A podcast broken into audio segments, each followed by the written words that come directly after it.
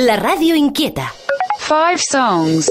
One, two, three, four, five. Five songs. One. Two. Three. Four.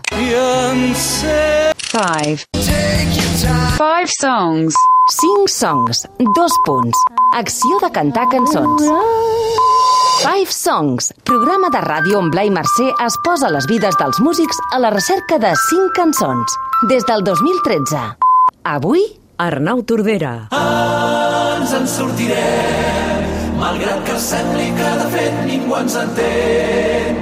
Mentre quedi algú d'en peus que hi confiï cegament, has de creure si et dic que ens en sortirem.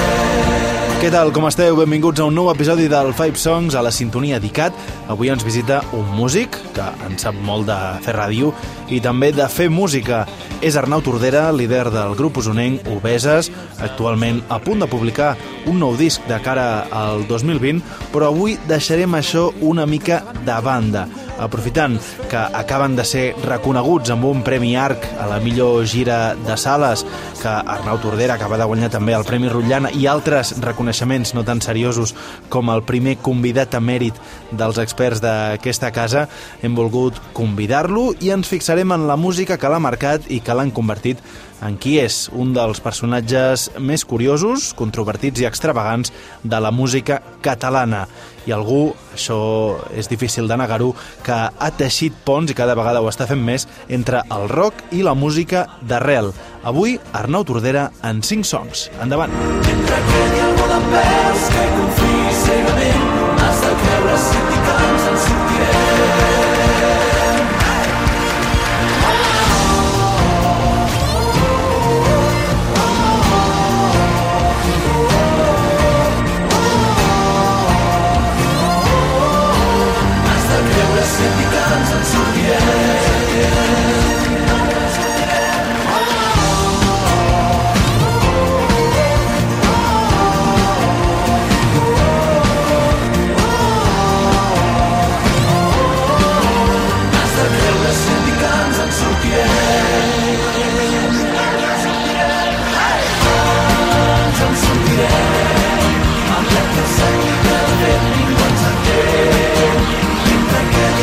Algú d'en peus que hi confiï cegament, has de creure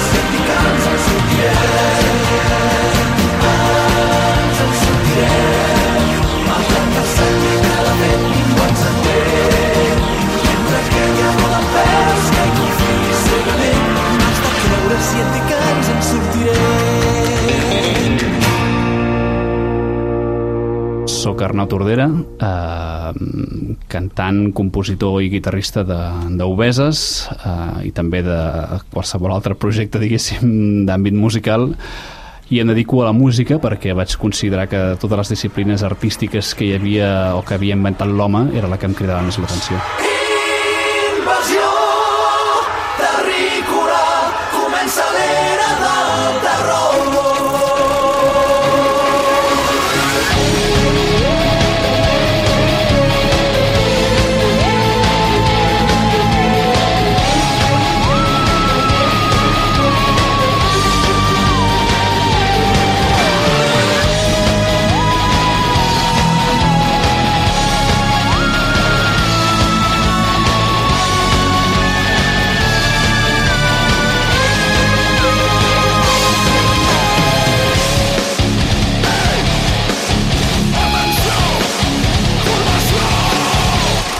Acabem d'escoltar Invasió Terrícola, del nostre darrer disc, i és una peça que he seleccionat perquè, des del meu punt de vista, abarca l'àmbit estètic que defineix molt bé Obeses en el sentit que hi trobem el rock més dur, més agressiu, també l'instrumentació sinfònica, l'humor també, i fins i tot l'atreviment d'utilitzar recursos instrumentals propis de, de bandes sonores. És un recull d'àmbits estètics que es conjuguen en una sola peça, però amb absoluta fiabilitat i fidelitat a un estil determinat. Construirem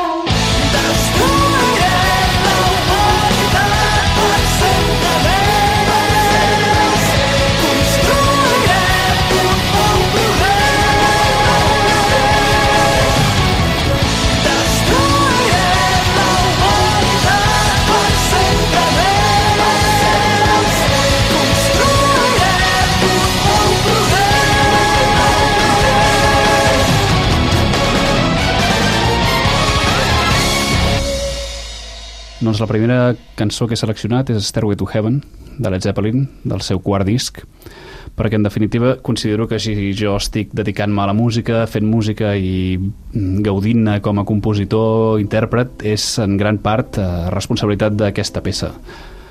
Jo tocava la guitarra quan era adolescent, la guitarra clàssica, de manera bastant caòtica i no gaire acadèmica, però entre les peces que interpretava hi havia aquesta peça del qual jo no sabia l'autor. Mm, però eh, un bon dia amb un seguit d'amics vaig començar a interpretar aquesta peça i ells van cridar exaltats que això era Stairway to Heaven de Led Zeppelin. Llavors jo me'n vaig anar a casa vaig baixar-me aquella cançó per internet que llavors tardaves com 4 o 5 hores a aconseguir un MP3 o no sé si fins i tot si hi havia ja l'MP3 o no i va ser com una il·luminació absoluta la veritat és que comença amb aquella introducció de la guitarra que jo ja coneixia, llavors comença la flauta i es va desenvolupant tota la peça i allò va ser una visió per mi. En aquell moment crec que és el moment de la meva vida que jo vaig gaudir eh, honestament per primera vegada de la música i vaig adonar-me de lo important que seria al llarg de la meva carrera.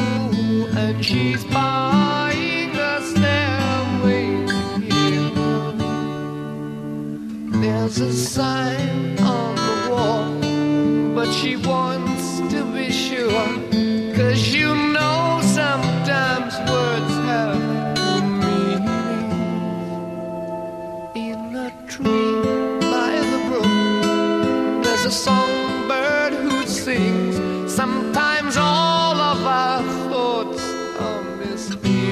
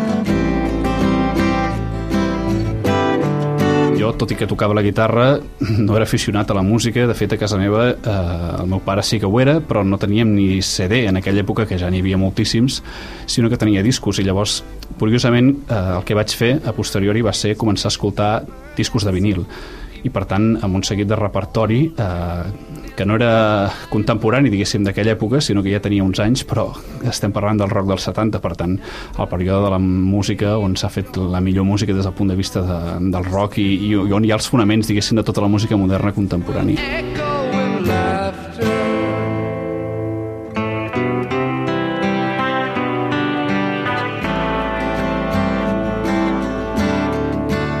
La següent peça que em va canviar la vida en aquest sentit va ser Bohemian Rhapsody. El meu pare tenia a Night at the Opera en vinil, bé, de fet encara el té una ratllada immensa justament a Bohemian Rhapsody, cosa que sempre he lamentat profundament, i ella va ser una segona il·luminació per mi en el sentit de concebre la veu com un instrument capaç de, de fer coses eh, que cap altre instrument era capaç. No? Jo tocava la guitarra, encara no cantava, i escoltant aquell disc i aquells arranjaments vocals i sobretot la, la proesa de veu de bellesa inconmensurable de Freddie Mercury doncs vaig començar a intentar, intentar cantar, intentar mm, eh, educar la meva veu per, per transmetre idees, per transmetre emocions i diguéssim que la part de cantant pròpiament està molt influenciada per, per l'escolta d'aquesta peça. Is this the real life? Is this just fantasy? Caught in a landslide, no escape from reality. Open your eyes, look up to the skies and see. I'm just a poor boy. I need no sympathy. Because I'm easy come, easy go, little high.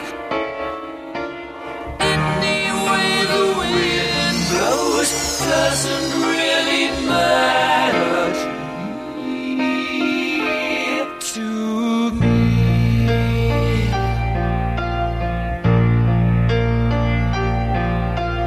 Mama just killed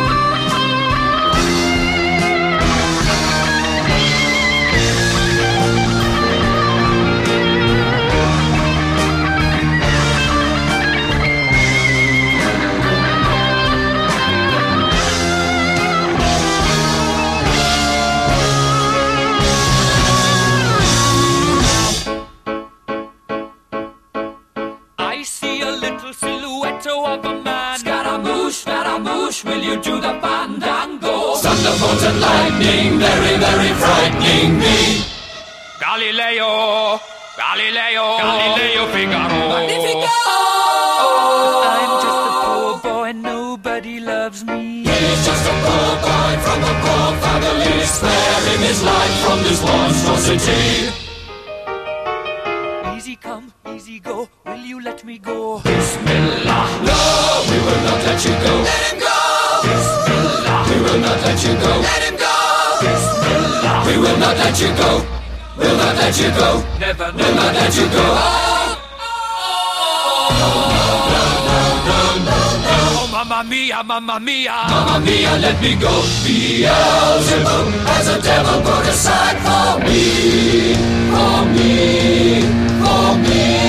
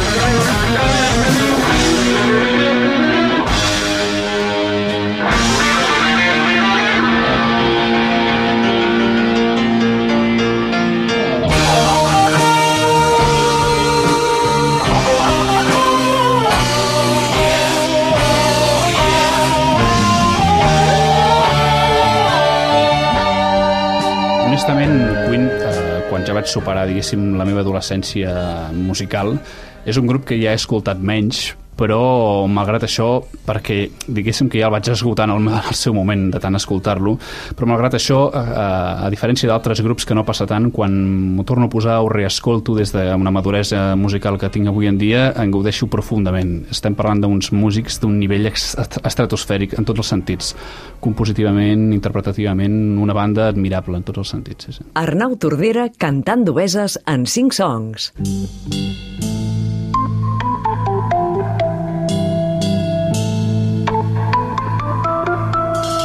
També em relaciono precisament amb aquesta època. Eh, naturalment és una època de gran importància de canvis des del punt de vista personal i per mi també també va ser així des del punt de vista musical. És un altre clàssic absolut, Child in Time, de Deep Purple. Eh, em va connectar una mica més amb l'univers eh, ja no tant del rock pròpiament, sinó del rock dur, eh, sobretot els crits d'Ian Gillan.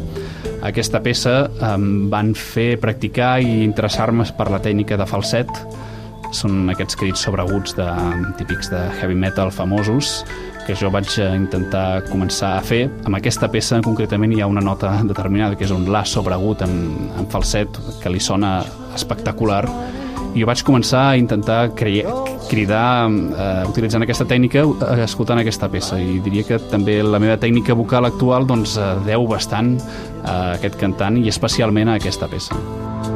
See the blind man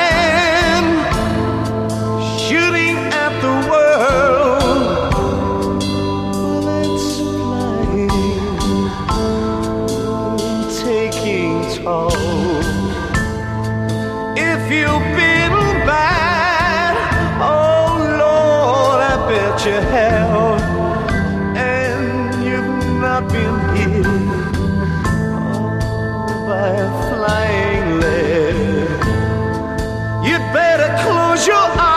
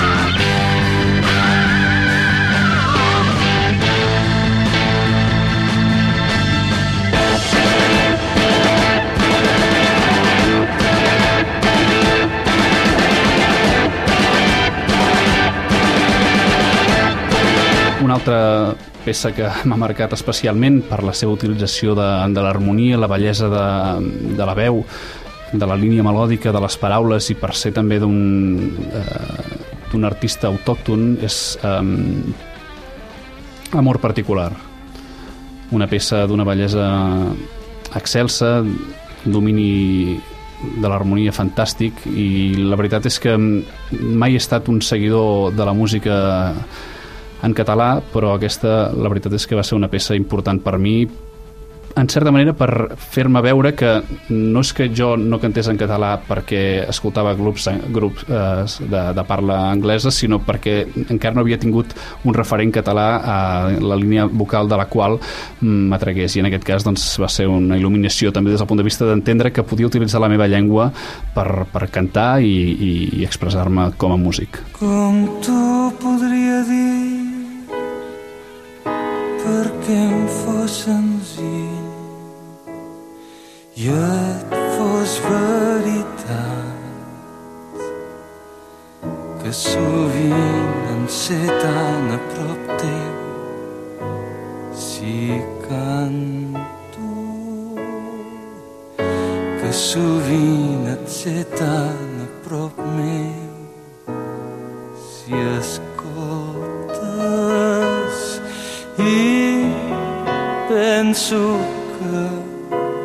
he gosat mai ni dir-t'ho que em caldria agrair-te tant temps que fa que t'estimo que junts hem caminat en la joia junts en la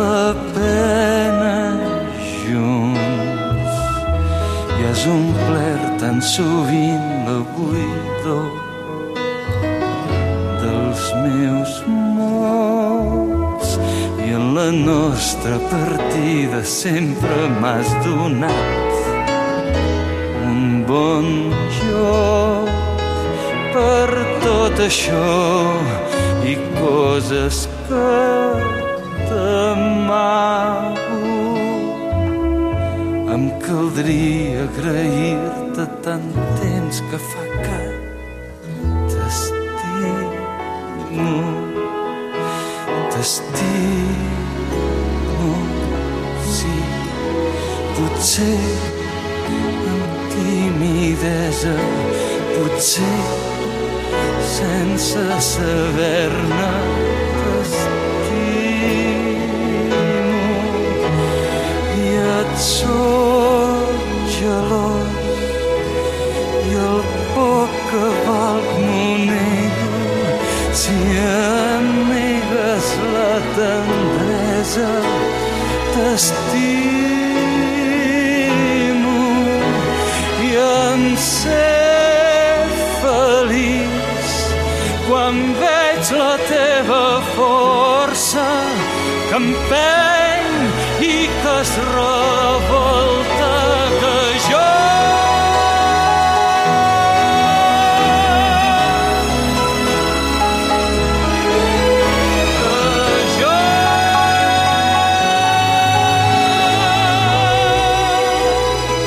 Precisament un dels seus valors principals és aquesta no literalitat evident, sinó que tu has d'aprofundir una mica en, en la peça i de fet eh, tot el seu repertori sempre té aquesta, aquesta dualitat en la seva comprensió, que és una cosa que personalment he intentat fer sempre amb obeses, és a dir, no hi ha aquesta evidència tan palpable, sinó que com a bona obra artística tu pots aprofundir-hi, anar-hi endins i, i assaborir-ho amb moltes capes i això des del meu punt de vista és un valor artístic important. absència, però tot això serà una altra història. Ara vull agrair-te tant temps que fa que t'estimo, t'estimo, sí, potser amb timidesa, potser sense saber-ne t'estimo. I et soc gelós i el poc que nego si em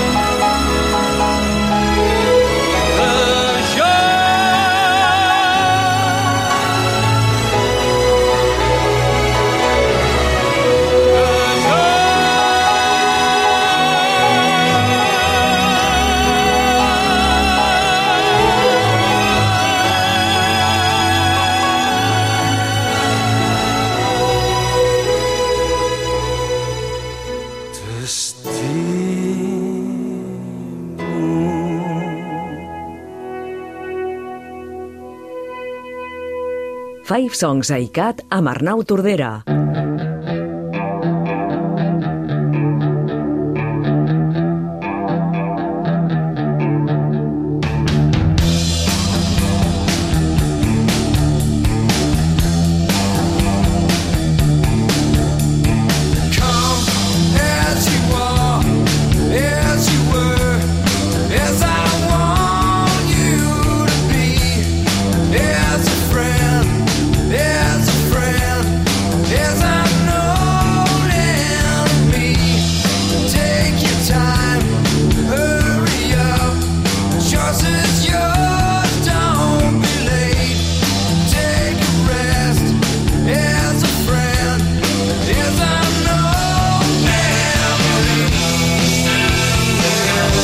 Peça que no té res a veure amb les altres, però que també va marcar una mica mm, la meva carrera musical, és Com As You Are, de Nirvana, un grup més agressiu, més brut en aquest sentit, però eh, des del meu punt de vista mm, molt sincer amb el que volia expressar. eh.